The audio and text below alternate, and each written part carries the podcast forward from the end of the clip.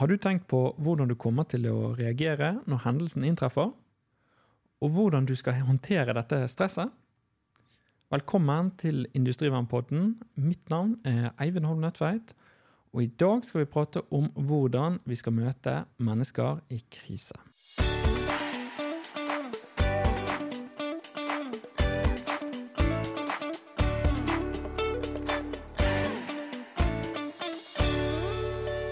For å snakke om eh, dette med å møte mennesker i krise, så har jeg fått med meg Heidi Wittrup Djup, eh, som er psykologspesialist ved Klinikk for krisepsykologi.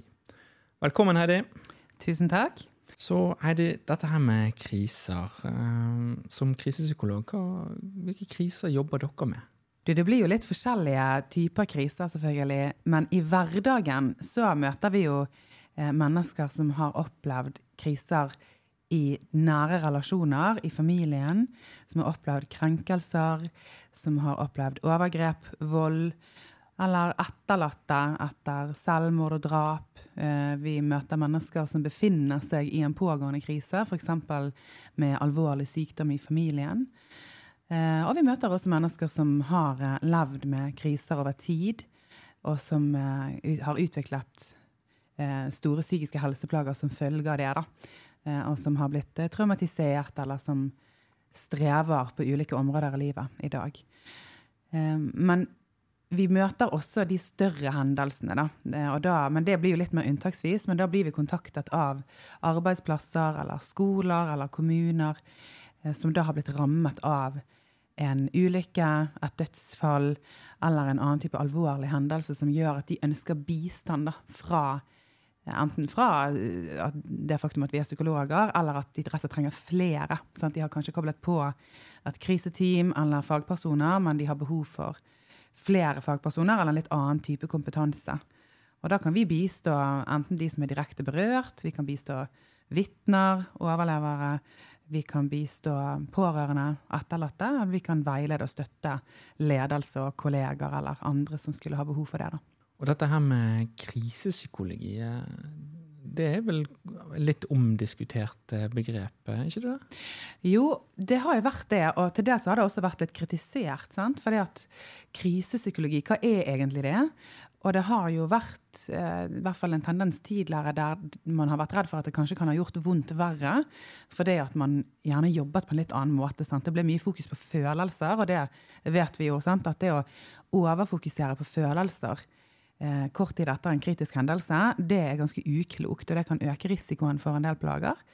Um, så det tror jeg nok har vært en del av, av, den kritikken, eller grunnen til at det har blitt omdiskutert. Og det andre handler nok om at eh, hvis det er krisepsykologene som skal inn og gjøre jobben, så forsvinner eh, det naturlige støttenettverket. Da. Og at det er liksom en risiko at vi på en måte presser ut de som egentlig bør støtte og følge opp. da.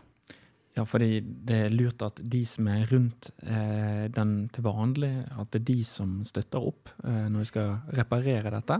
Ja, oftest er det jo det. sant? Det, og jeg er litt opptatt av hvorfor skal man ha inn bistand? Eh, hvem, er, hvem, er, det sitt behov? Er det de rammede sitt behov, så er det viktig at det behovet identifiseres og følges opp. Men hvis det er fordi at lederen er usikker og utrygg, eller eh, rektor på skolen eller læreren eller mammaen eller pappaen blir usikker og ikke vet hva de skal gjøre, så mener jeg at vår jobb heller er å veilede og støtte de. Et eksempel er jo, sant, Jeg har opplevd flere ganger at, at ledere ved arbeidsplasser har tatt kontakt fordi de vil at vi skal komme inn og gjøre en jobb. Sant? Altså Informere om noe som er trist å fortelle om, eller støtte støtte eh, ansattgruppen i sin sorgprosess. Sant? Og Noen ganger kan det være riktig at vi kobler oss på på et eller annet vis, men i mange av de eh, tilfellene så har jeg tenkt at den viktigste jobben jeg gjør nå, er å eh, trygge lederen på at nå er det du de trenger. Det er du som er kjent for dem, og nå er det viktig at du trer frem som en trygg og støttende leder. Og så kan jeg heller stille meg selv til disposisjon for å følge opp eller støtte den lederen eventuelt. da. Men veldig ofte så er det jo de som er tettest på, som blir de viktigste personene. Og på en arbeidsplass vil det veldig ofte være ledere og kolleger. Eh, men selvfølgelig, noen ganger blir det behov for ekstern bistand. Enten til direkte berørte eller pårørende etterlatte, eller for rett og slett bidra til å veilede i hvordan er det best å organisere oppfølgingen. Eh, For der er det jo en del ting som kanskje en arbeidsplass kan være usikker på. Sant? Eller en leder som er ny i jobben eller ikke har erfaring med denne typen kriser, vil jo da kanskje trenge noen å støtte seg til. Og hvis man ikke har det internt i organisasjonen, så er det jo fint å kunne kontakte noen andre som kan komme med bistand. Mm. Og så er det jo sånn at jeg vi vil jo ikke at noe skal skje, og plutselig en gang så, så, så skjer jo det. Men så er det jo greit å være forberedt og ha et system som kan ivareta deg hvis dette her skjer. og Sånn som, du, å, sn- ehm, sånn som du snakker om, sant? at man har på en måte et apparat i forkant. da. Mm. Og det sier jo veldig mange som jeg har snakket med òg, at de føler seg trygge på den arbeidsplassen de er. Eh, selv veldig kort tid etter en kritisk hendelse så har jeg hørt folk si det at ok, hvis det først skal gå galt et sted, så er jeg glad for at jeg jobber her, for her blir jeg ivaretatt. Og det å ha den tryggheten, vite det at man har kollegaer og ledelse i ryggen, det å vite at man har noen å støtte seg til, det, det er veldig viktig for folk. sant? Men det er klart det er vanskelig å forberede seg på alt mulig. Men jeg tror likevel det er klokt at man har en god eh, risikoanalyse, da, der man har tenkt igjennom ikke bare hva sånne eh, ytre faktorer som kan påvirke, men også hva som kan være menneskelige konsekvenser av det som kan skje. Sånn at vi tenker gjerne gjennom at å, hva hvis det kommer et eh, innbrudd, eller et, eh, hvis det begynner å brenne, eller sånn. Vi, vi tenker ofte på de tingene, men det med de menneskelige problemstillingene eller mm, reaksjonene som mennesker kan ha, da, det har vi kanskje ikke alltid vært så gode å tenke på. Så jeg tror at det er viktig i en sånn type risikoanalyse å regne det med, da. Og så øve på hva gjør vi da? Mm. Noen eh, har jo fagdager med fokus på krisehåndtering og kollegastøtte, hvordan stille opp for hverandre, altså hva, hvilke reaksjoner kan vi ha i møte med stress og belastning og sånt. Andre har gjerne er mer sånn tabletops eller rollespill eller faktiske øvelser, sant? der de går gjennom eh, ulike scenarioer som kan skje. Så det kommer selvfølgelig an på hvor man jobber, og ikke minst størrelsen på arbeidsplassen, og, og hva risiko som er Da. Men, eh, men man bør jo ha i hvert fall eh, om man ikke kan ha tenkt gjennom ethvert scenario som kan oppstå, så vil det likevel gi en del trygghet å vite at man har øvd på krisehåndtering og vet hvem som skal gjøre hva, og hvilke roller som skal fylles. Og ikke minst at man evaluerer etterpå. sant? Der glipper jo folk ofte litt. Ja, og jeg tenker jo det du sier, det å på en måte kartlegge hva som kan skje, også på en måte håndteringen her. Eh, krisehåndtering er jo ikke bare å håndtere hendelsen, men det er å håndtere faktisk det som skjer etter hendelsen. De pårørende, de som er rammet, de som er rundt det. Eh, det, kan jo, altså det vil jo bidra til at eh, man kommer fortere opp igjen i eh, for å si det sånn da, produksjon igjen. da. Mm, absolutt. Ja, absolutt. For det er klart det, det går vekk mye tid og energi på eh, å streve med egne reaksjoner i etterkant helt på egen hånd. Eh, men det er jo ikke bare det at man kan få reaksjoner på hendelsen. Man kan jo også få reaksjoner på håndteringen. Sant? For jeg har jo snakket med ansatte som har følt det som veldig eh, altså som en ekstra belastning. At f.eks. ledelsen ikke stilte opp for dem. At, de ikke, at de bare gikk i forsvaret når de ble kritisert, eller at ikke de liksom brydde seg om de som mennesker, alle deres eh, familier òg. For det er mye god personalomsorg å faktisk være litt oppmerksom på hva familiene deres trenger òg. Mm. Det må jo være tungt å ikke få den støtten, den backingen, hvis det skjedde noe. Veldig tungt, og også faktisk ganske provoserende for mange. sant? Ja. At det kan skape en del konflikter, og det vil man jo gjerne helst ikke ha oppi hele krisen. sant? Konflikter i tillegg, Men det kan jo oppstå fordi at det blir håndtert feil. sant? Og der tror jeg at, og jeg får jo mye omtanke for disse lederne òg, for de står jo i en veldig krevende situasjon og har veldig mye de skal håndtere. sant? Både hendelsen Kanskje, har det gått, kanskje har liv gått tapt, kanskje ikke, men det var kanskje like før. sant? Altså, det var litt flaks som gjorde at det ikke skjedde, og så er det kanskje press fra media, og det er eh, en lokalbefolkning som reagerer, og det er pårørende. Altså, det, det er veldig mye de skal håndtere. da, Og så er det gjerne noe etterforskninger eller kontrollkommisjoner. altså Det er så mye som spiller inn. Sånn at de eh, får jo ofte litt sånn overload, og det jeg av og til ser, det er at de blir veldig opptatt av å formidle fakta. Og så jeg glemmer de at det også er veldig viktig å måte anerkjenne de menneskelige aspektene i det. Da. Og det er gjerne det de som har vært direkte involvert i hendelsen, trenger. Sant? Det er at noen møter blikket deres og sier at eh, dette var veldig alvorlig, veldig dramatisk. og så kan man gjerne også vektlegge at det tross alt gikk bra, men, men jeg tror ikke man skal forte seg dit da, hvis de som sitter der og er veldig sterkt berørt, trenger at noen også møter det. da. Det er, jo, det er jo litt utfordrende da, å kunne klare alt dette. Eh, og spesielt hvis man står i noe som man aldri har opplevd før. En sånn stor krise. Mm. Det, det må være krevende for en leder, og ja, egentlig alle som er involvert i situasjonen. Mm. Man kan tråkke litt feil. Absolutt. Og jeg vil jo si at det, det, er også greit å gjøre. Jeg tror det er jo litt av risikoen her. sånn at Folk er så redd for å gjøre feil at, man blir helt sånn passifisert av den frykten. da.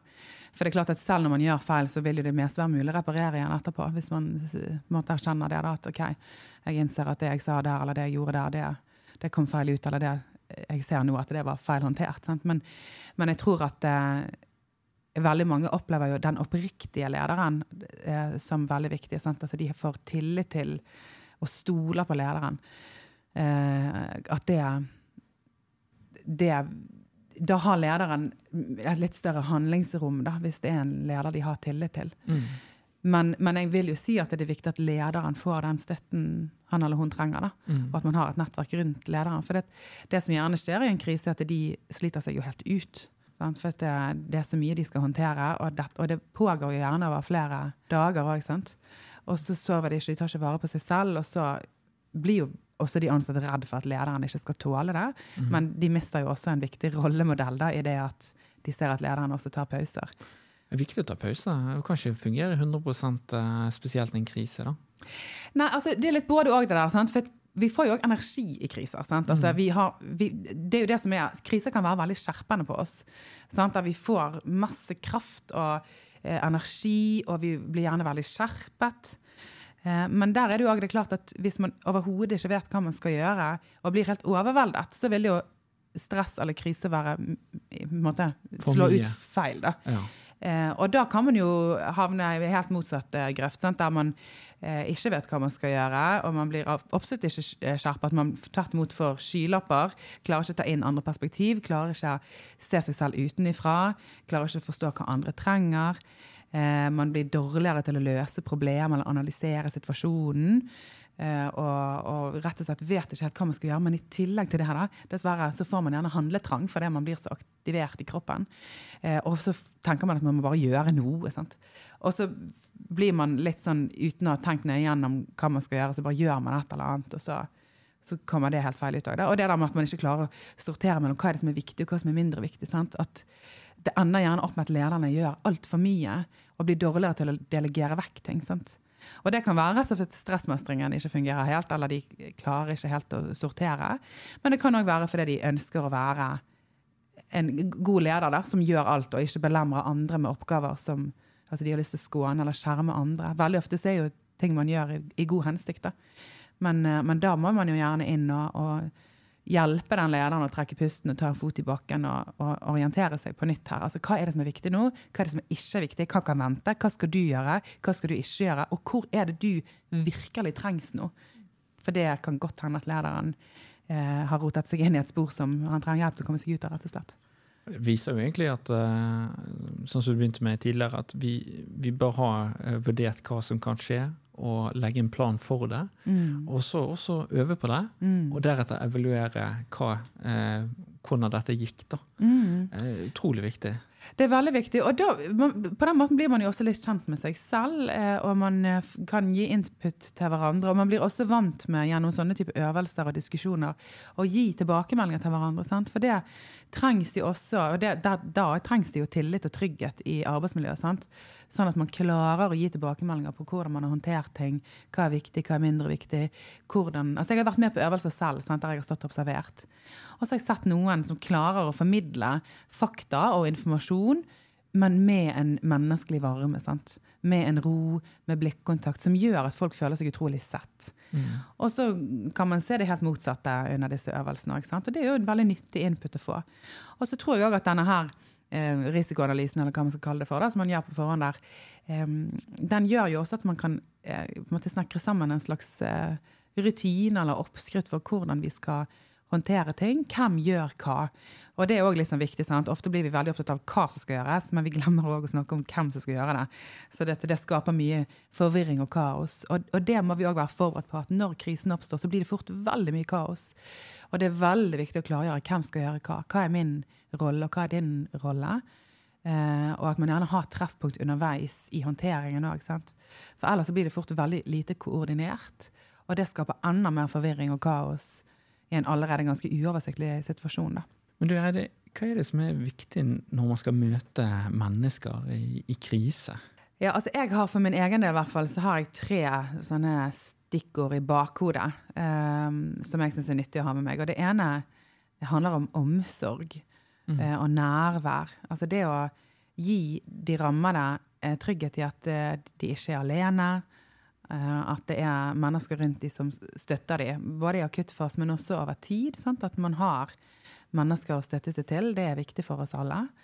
Um, og det er jo flere grunner til. Sant? Det ene handler jo om at det er godt å få trøst og omsorg hos noen. Men det er òg fordi at vi trenger gjerne andre mennesker da, for å komme oss i gang igjen. Mm. For man skal jo komme i gang igjen med en hverdag og koble seg på igjen og ut igjen eh, der ute. Så det med omsorg og sosial støtte da, er en viktig sånn knagg for min del.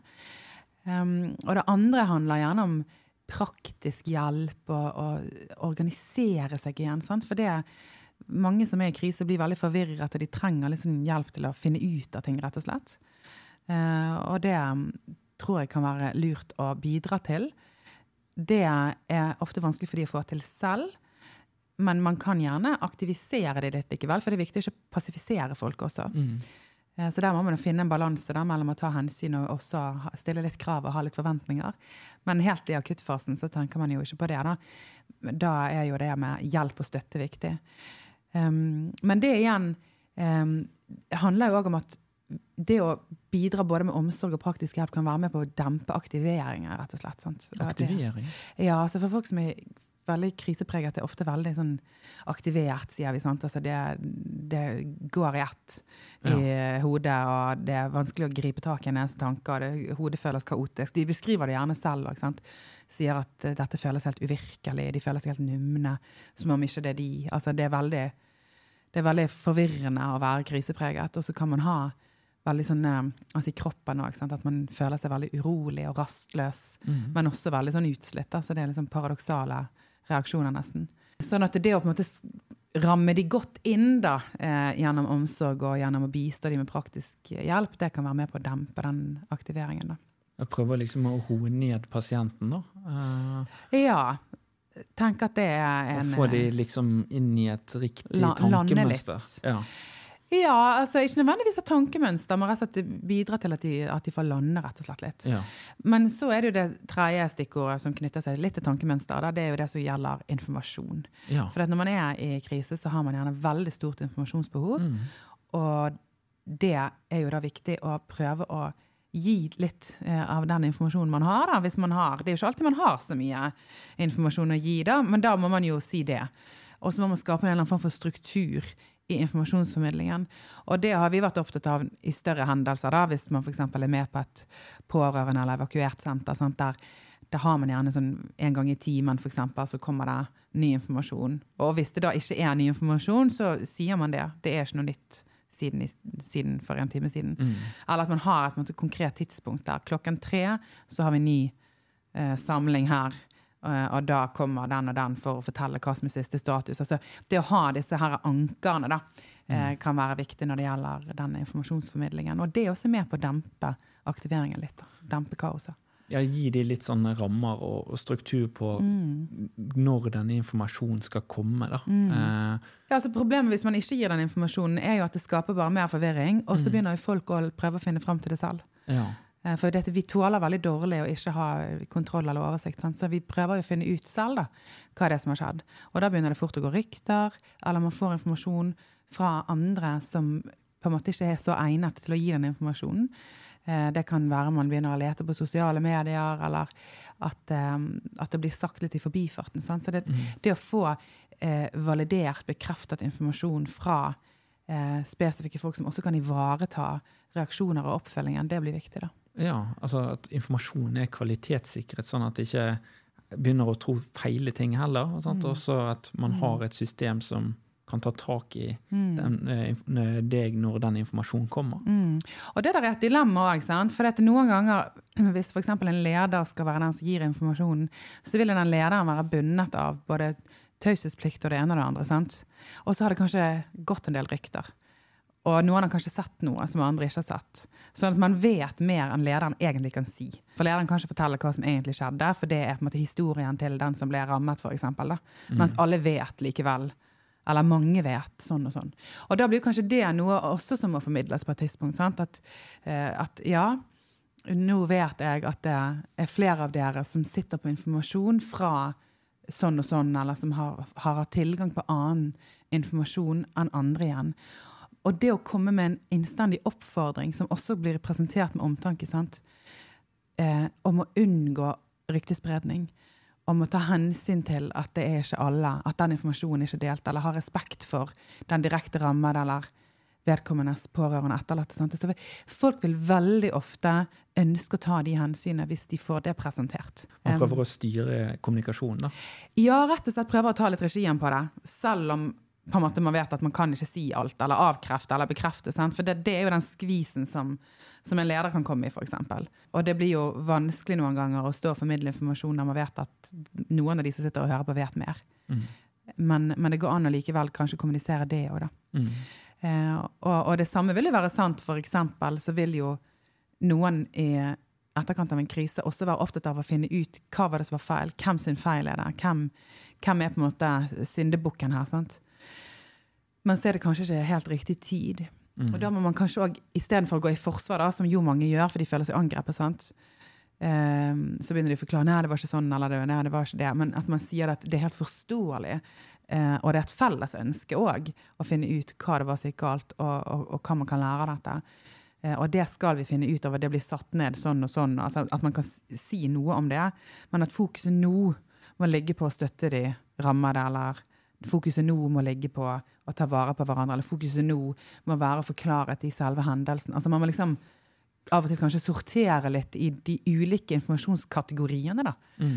Um, ja, for det, det, er jo ikke alt du kan få svar på med en gang. Og nei, da må du gjøre, eller ta tak i det du kan gjøre noe med mm, umiddelbart. Mm, mm. Og hva som skjedde. Det kan jo ta lang tid før man får vite noe om det. Mm, mm. det kan jo ta måneder, og så vet de kanskje til slutt ingenting. De har kanskje bare en teori.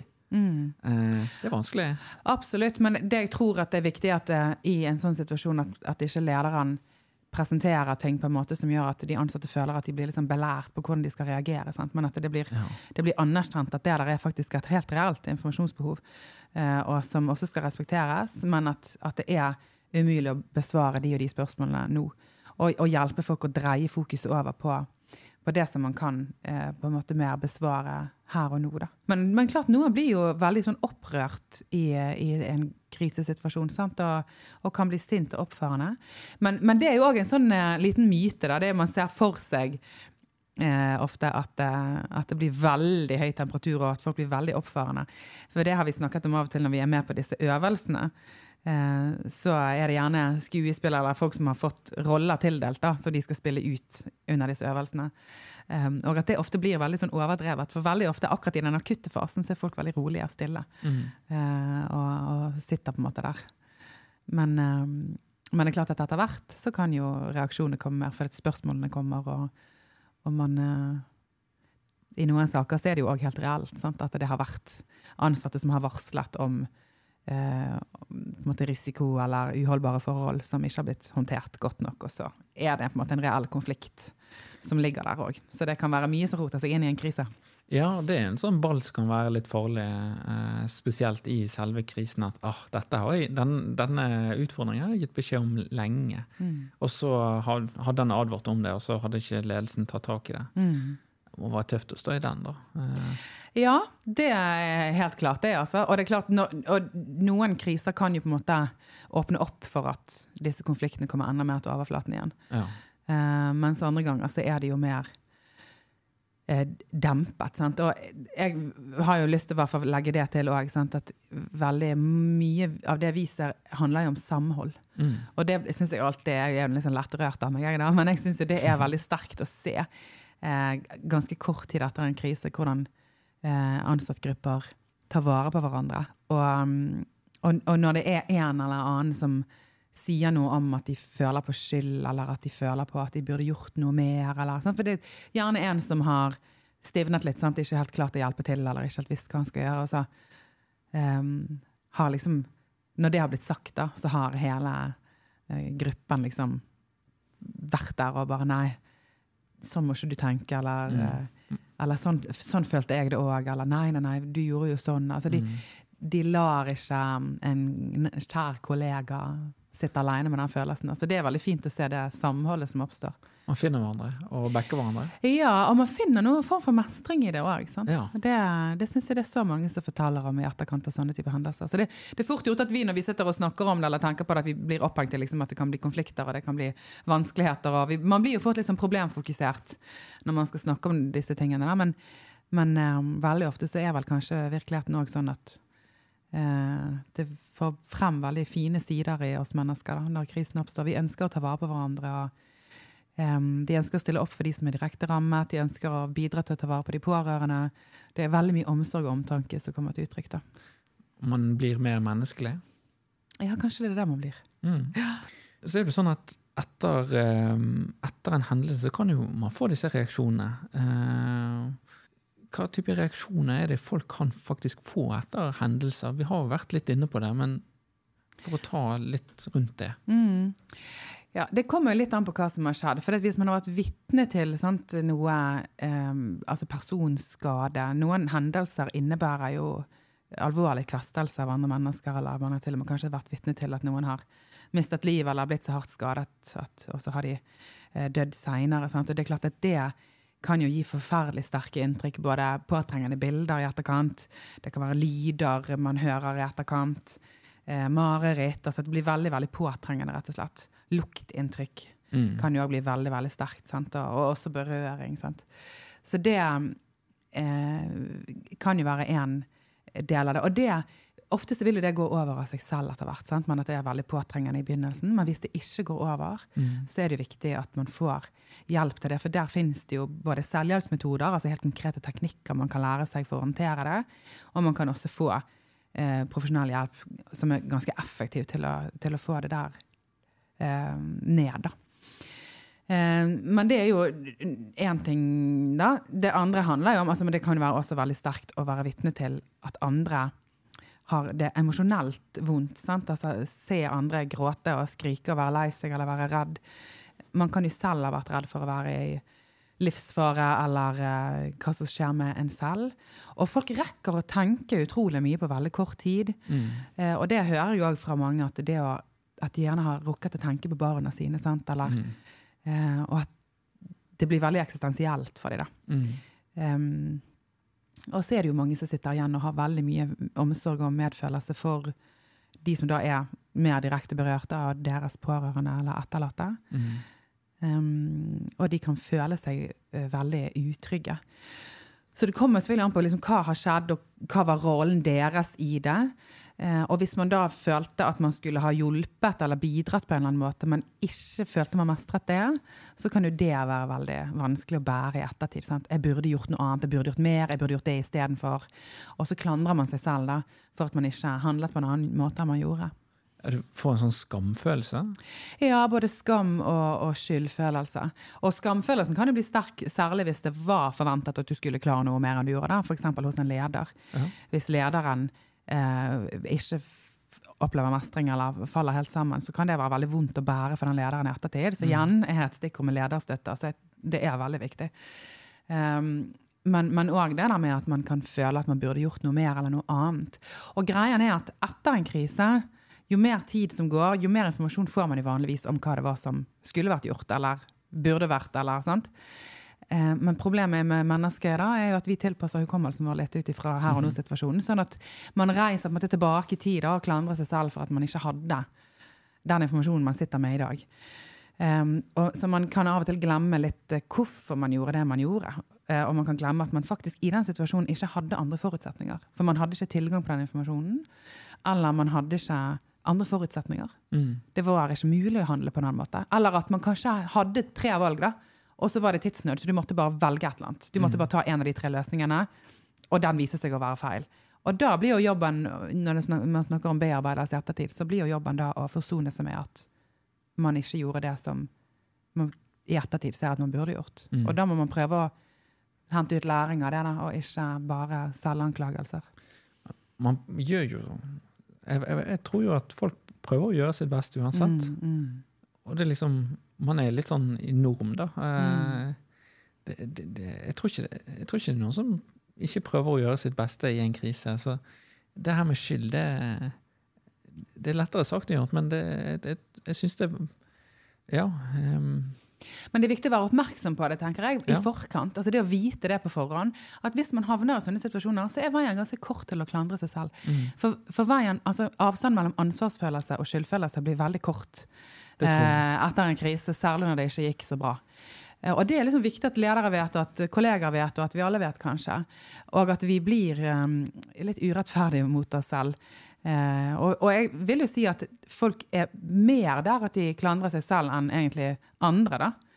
Um, og så må man jo skille mellom det som på en måte er reell skyldfordeling, holdt jeg på å si. Altså det som er helt på sin plass, da. Altså er det noen som har et ansvar her som man er nødt til å hente ut noe læring, eller, eller Man sier jo at lederne skal ta ansvar. Snakker, det er jo et begrep, er ikke det rituell pisking man kaller det for? Altså man, man blir stående i en situasjon der man bare tar imot og tar imot og tar imot. Og så kan det godt hende at den lederen egentlig skulle fått anledning til å forsvare seg selv, men akkurat i den posisjonen, i denne fasen av krisen, så må man bare ta imot. Og så er det jo noen som må ta ansvaret sitt ved å gå, andre må ta ansvaret sitt ved å rydde opp, mens det gjerne for andre igjen viser seg at det var ikke noe annet de kunne gjort. Mm. Men, men alt dette her er jo, det er jo litt menneskelig å sitte og klandre seg selv i etterkant. Eh, og det gjør vi jo uavhengig av kriser eh, på industri eller arbeidsplass. Det gjør vi jo i vårt private liv òg. Eh, Jeg snakker med kvinner som klandrer seg selv for at de har gjennomgått en spontanabort. Eller, altså man, man, man klandrer seg selv fort fordi man tenker var det noe annet jeg kunne gjort. Og så ønsker vi jo kanskje også å føle at vi har en eller annen form for ansvar, for det gir oss også en forestilling om at vi har i hvert fall noe kontroll eller en eller annen påvirkningsmuligheter. Så kanskje er det av og til vanskeligere å akseptere at man ikke hadde noen innflytelse i det hele tatt, enn at man hadde litt skyld. Så jeg vet ikke. Men, men det er i hvert fall viktig å vite om, og, og også for de som er rundt, sånn at man kan bidra til å korrigere den skyldfølelsen eller støtte opp under det. Og også kanskje nøste litt i det at hadde du, hadde du vært så kritisk eh, mot en kollega som handlet sånn som du gjorde, eller hadde du egentlig, hvis man går litt inn i det, da, hadde du egentlig andre muligheter i den situasjonen? Mm. For veldig ofte så hadde man jo ikke det. Vi er litt tøffe mot oss sjøl òg, da. Ja, det, det tror jeg absolutt, altså. Og så er det jo av og til så er det jo en viktig egenskap òg. Å sette seg ned og tenke her burde jeg faktisk gjort det på en annen måte, i lys av det jeg vet nå. Det betyr at jeg har noe læring å hente ut av det, som jeg kan få bruk for seinere. Derfor blir jo evaluering viktig. Mm. For da kan man faktisk lære, og den læringen den må jo da overføres til andre, sånn at ikke alle må gjøre den samme feilen, men at man kan vite det til seinere. Og det prøver vi òg å gjøre internt hos oss på klinikken. også? At vi snakker igjennom hva var det vi bør huske til neste gang, sånn at ikke man havner i den situasjonen på nytt. For det feil vil jo skje Mm. når mennesker skal gjøre ting. Absolutt. Vi gjør, alle gjør feil, og Mm. det er ikke så lett eh, når man står i en krise. Uh, og jeg tror vi er litt harde mot oss sjøl, rett og slett. Mm. Men så er det sånn at etter en hendelse så har vi disse samtalene ofte. Disse debrifene. Kan du fortelle litt om det? Mm. Ja, og debrief på, på samme måte som krisepsykologi, så har jo også debrifing eh, som begrep også blitt eh, litt omdiskutert og til dels også kritisert. Og det handler jo òg om at man har gjerne eh, sammenlignet litt ulike tiltak og intervensjoner med hverandre som egentlig ikke bør sammenlignes. da. Men det som er viktig i debrifing, er jo å skape en situasjon for de som har opplevd noe sammen, eh, til å få helhet i det som har skjedd. Altså få, få dette her til å henge sammen. Skape en helhet, eh, et narrativ, en eller annen forståelse for hva som har skjedd. Og da er det jo det der med å ikke overfokusere på følelser igjen, sant? som vi jo har lært. eh, Og som det er eh, en enighet om, det, at det bør man ikke gjøre i kort tid etter en kritisk hendelse. Eh, Det er ikke da du skal gå inn i alle disse emosjonelle temaene, selv om det som medmenneske kan være fristende å gjøre, sant? fordi du ønsker å være støttende og ivaretagende. Men da må man egentlig dreie fokus litt vekk fra det emosjonelle og over på fakta eller handling. Hva skjedde så? Mm. Så når man gjennomgår en sånn debrief, da, så er det jo da de som har vært involvert, som da eh, setter seg ned sammen, og så har man en strukturert gjennomgang. Og det er gjerne, man skiller gjerne etter, mellom defuse, eller avlastningssamtale, eh, og debrief. Og defusen den skjer jo etter kort tid. samme dag eller noen timer senere, mens debrifen er gjerne to-tre dager etterpå. Um, og da går man gjennom hva det var som skjedde. Uh, hva var hvem gjorde hva, hva var på en måte hendelsesforløpet. Og tanken der er jo at jo mer informasjon vi har, og jo, jo mer sånn felles forståelse vi har for det som har skjedd, jo, jo bedre er det. Sant? Det reduserer risikoen for at vi fyller inn tomrommene eh, mentalt med feilinformasjon eller med fryktfantasier eller uh, selvanklagelser. Sant? Så det gir en anledning til at man kan sette dette her sammen. Så man fokuserer på fakta, på hendelsen. Eh, og så tar man også en runde på hvordan man tenkte om hendelsen, og hvordan man reagerte og har reagert etterpå. Sant? For, for mange vil jo allerede der oppleve at det er forskjell på hvordan det var rett etter, og hvordan det er nå. Sant? Hvordan det var å komme hjem den dagen kontra hvordan det er å sitte der i dag. Um, og så gir man jo også da en mulighet til å normalisere noen av de reaksjonene som blir eh, fortalt om. Eh, og man kan også snakke om eh, ja, Komme med noen litt sånn enkle, konkrete råd knytta til eh, sosial støtte, knytta til det å holde på rutiner, legge seg, stå opp, gå på tur, få dagslys. Og, og, snakke med en som man har tillit til, eller organisere hverdagen sin på en OK måte. Da. Så man kan gi litt sånne enkle råd også, og, og eventuelt planlegge for et oppfølgingsmøte da, noen uker seinere, eller eventuelt hvem som kan følge opp hvis det blir behov for noe mer. Mm. Ja, Det er en gyllen mulighet da, for å eh, veilede i veien videre? Ja, man får anledning til å, til å, korrigere noen misoppfatninger. Man får en anledning til å skape en helhet for alle. Eh, og så får man også muligheten til å fange opp eventuelt hvis det er noe som, eh, som enkelte er veldig urolig for, eller at det er noen reaksjoner som de trenger hjelp til, eller, eller eh, at man får også formidlet noe informasjon om ja, hvem som eventuelt kan følge opp eller støtte de videre hvis det blir behov for det. Men Hva er vanlige feil da på en sånn oppfølging, enten om det er en defus eller en debrief eller Nei, altså, jeg, ja. Altså det, Folk kan jo gjøre Jeg tror jo at man skal ha litt Man har litt feilmargin, altså. For folk er jo ikke sånn at hvis du sier noe feil, så kollapser de helt. Jeg tror folk av og til har litt for høye krav til seg selv når de skal inn i disse rollene. Men, men som sagt, akkurat det der med å overfokusere på følelser, det er litt sånn obs obs, da. Mm. Um, så det skal man ta på alvor. Men, men jeg syns jo uh, det er flere som opplever at de ikke har blitt fulgt opp, mm. enn at de har blitt fulgt opp feil eller for mye. sant? Ikke Men, blitt hørt? Ja, at de ikke blitt tatt på alvor, eller at det ikke har vært noe eh, omsorg for dem. Sant? For det, når vi kommer inn i saker av og til, så, så hender det at noen sier at ja, nå, nå får vi oppfølging, men da det og det skjedde for så, mange år siden, så var det ingenting. Da var vi helt overlatt til oss selv. Mm. Og at det fortsatt plager de da. Det fortsatt gjør litt vondt at ikke de fikk noen form for oppfølging etter noe som har skjedd tilbake i tid. For det kan jo også skje når en krise dukker opp i livet. Så er det tidligere plager som kanskje blir mer fremtredende. Da. Mm. Så jeg tror at det å glippe på oppfølgingen, eh, det, det, må vi huske på at det ikke er så lurt. Og så er det òg av og til så glemmer vi noen.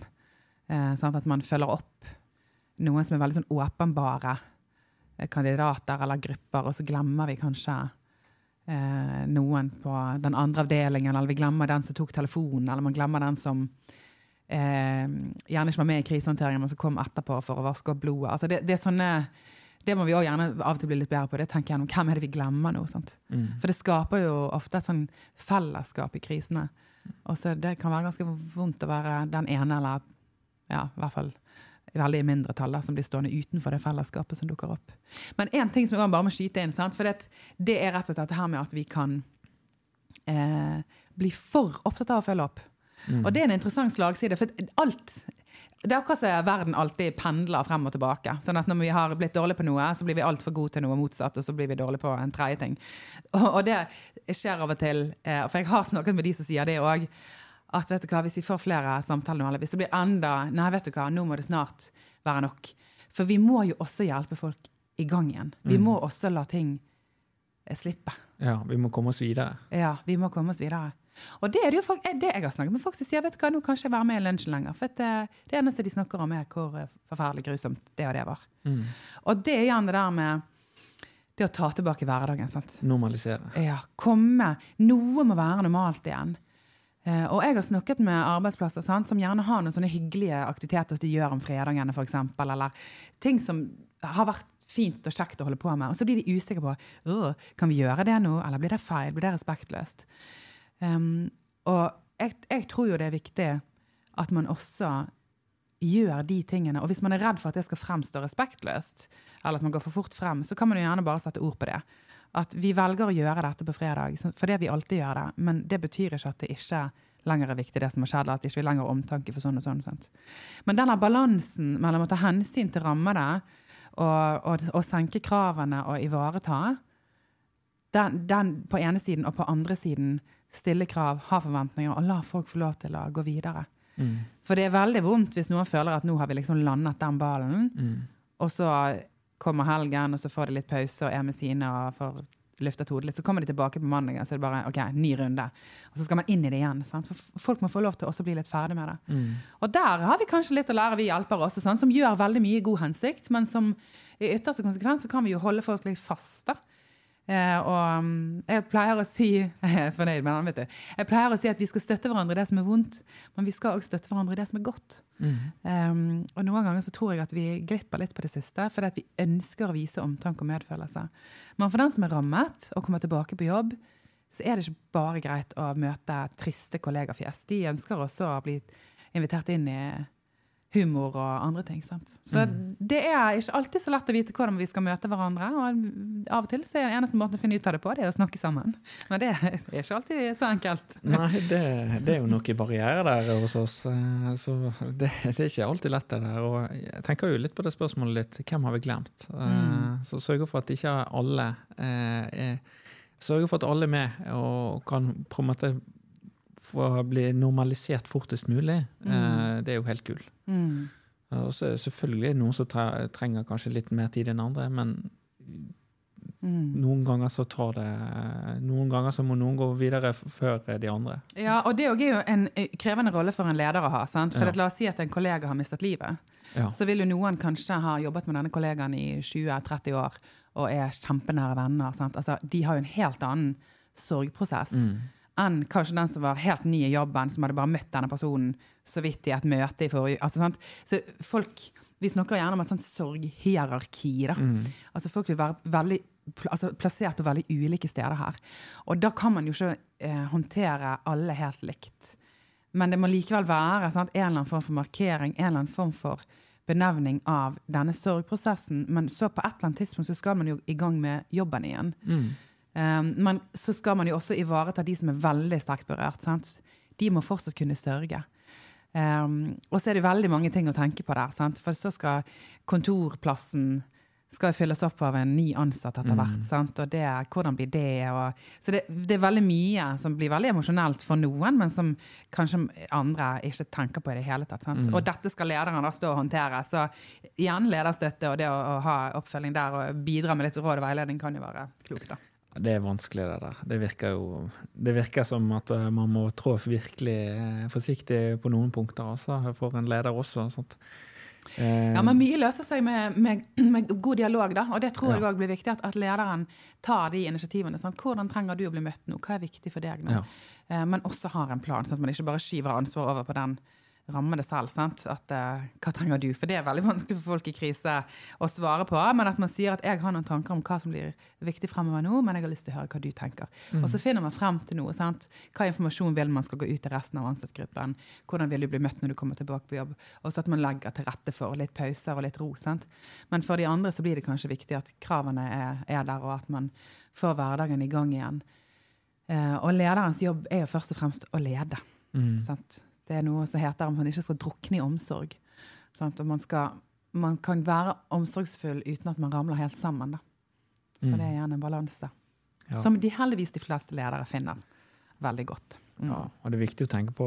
Ja, absolutt. Men Heidi, vi har jo snakket veldig mye om eh, lederen, men hva med kollegaene? Dette her med kollegastøtte, Mm. ikke dette viktig også? Jo, det er det. Og det er òg en eh, litt sånn balanse igjen. Sant? For jeg eh, snakker jo ofte mye om lederens ansvar. Men det er viktig å ikke få det til å høres ut som at vi bare skyver alt over på lederen, så skal lederen fikse det. Jeg tenker Lederen har ansvar for å tilrettelegge for at vi kan ta vare på hverandre på en arbeidsplass. Men det er veldig viktig med kollegastøtte. Mm. Eh, og kollegastøtte, det kan være flere ting. Eh, noen av de som vi samarbeider med eller jobber opp mot, de har organiserte kollegastøtteordninger. Ja. Så det betyr at de har valgt ut noen spesifikke personer som har fått det som en tildelt rolle, da, som er i tillegg til det ordinære arbeidet de driver med. Men når det er et eller annet som oppstår i en kollegas liv, eller på arbeidsplassen, eller et eller annet som rører seg, så kan denne kollegastøtten da mobiliseres. Eh, og de ansatte vet hvem de kan snakke med, og kollegastøtten kan ta med seg en kopp kaffe og gå inn til den det gjelder, eller hvis det har vært en spesiell hendelse, så strekker man ut en hånd. sant?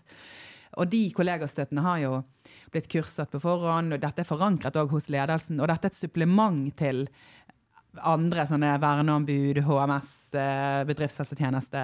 Ja, sant? Og det skal ikke være istedenfor lederstøtten, sant? for lederen har jo fortsatt en oppgave, men, men at den organiserte kollegastøtteordningen har en verdi inn mot ansatte.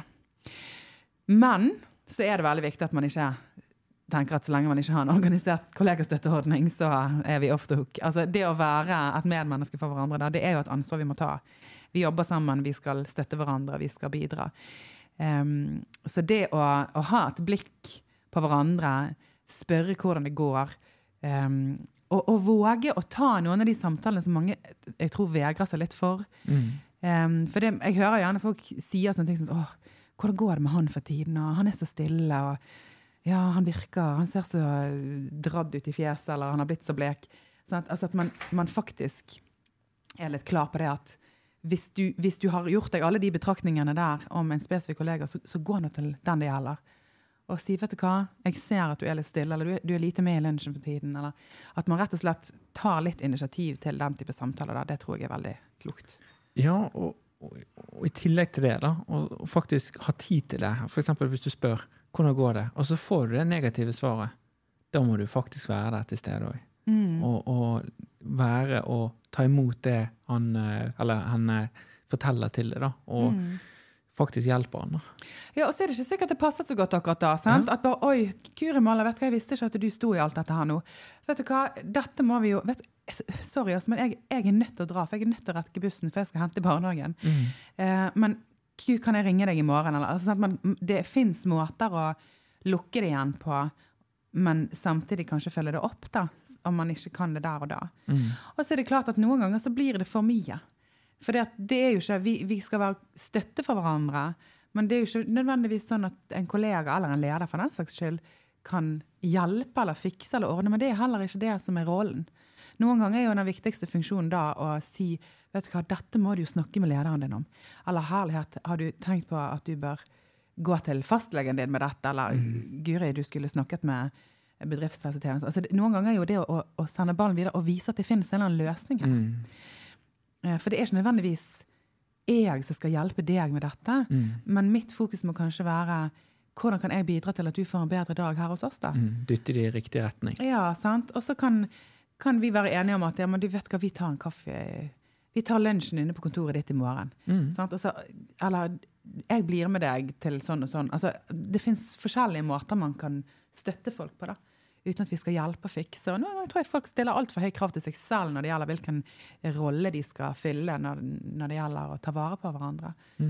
Og de rammede selv, eller de som er i en vanskelig situasjon, forventer jo ikke det, at en kollega skal fikse opp i alt mulig, men trenger kanskje bare noe støtte, eller en å ventilere hos. Sant?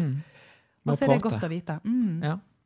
det er ikke alltid det er så mye som skal til. Nei, jeg tror, det jeg tror de trenger noen å prate med. Mm. Du, da tror jeg vi har egentlig eh, gått gjennom det meste. Eh, så jeg tenker vi begynner å lande litt her.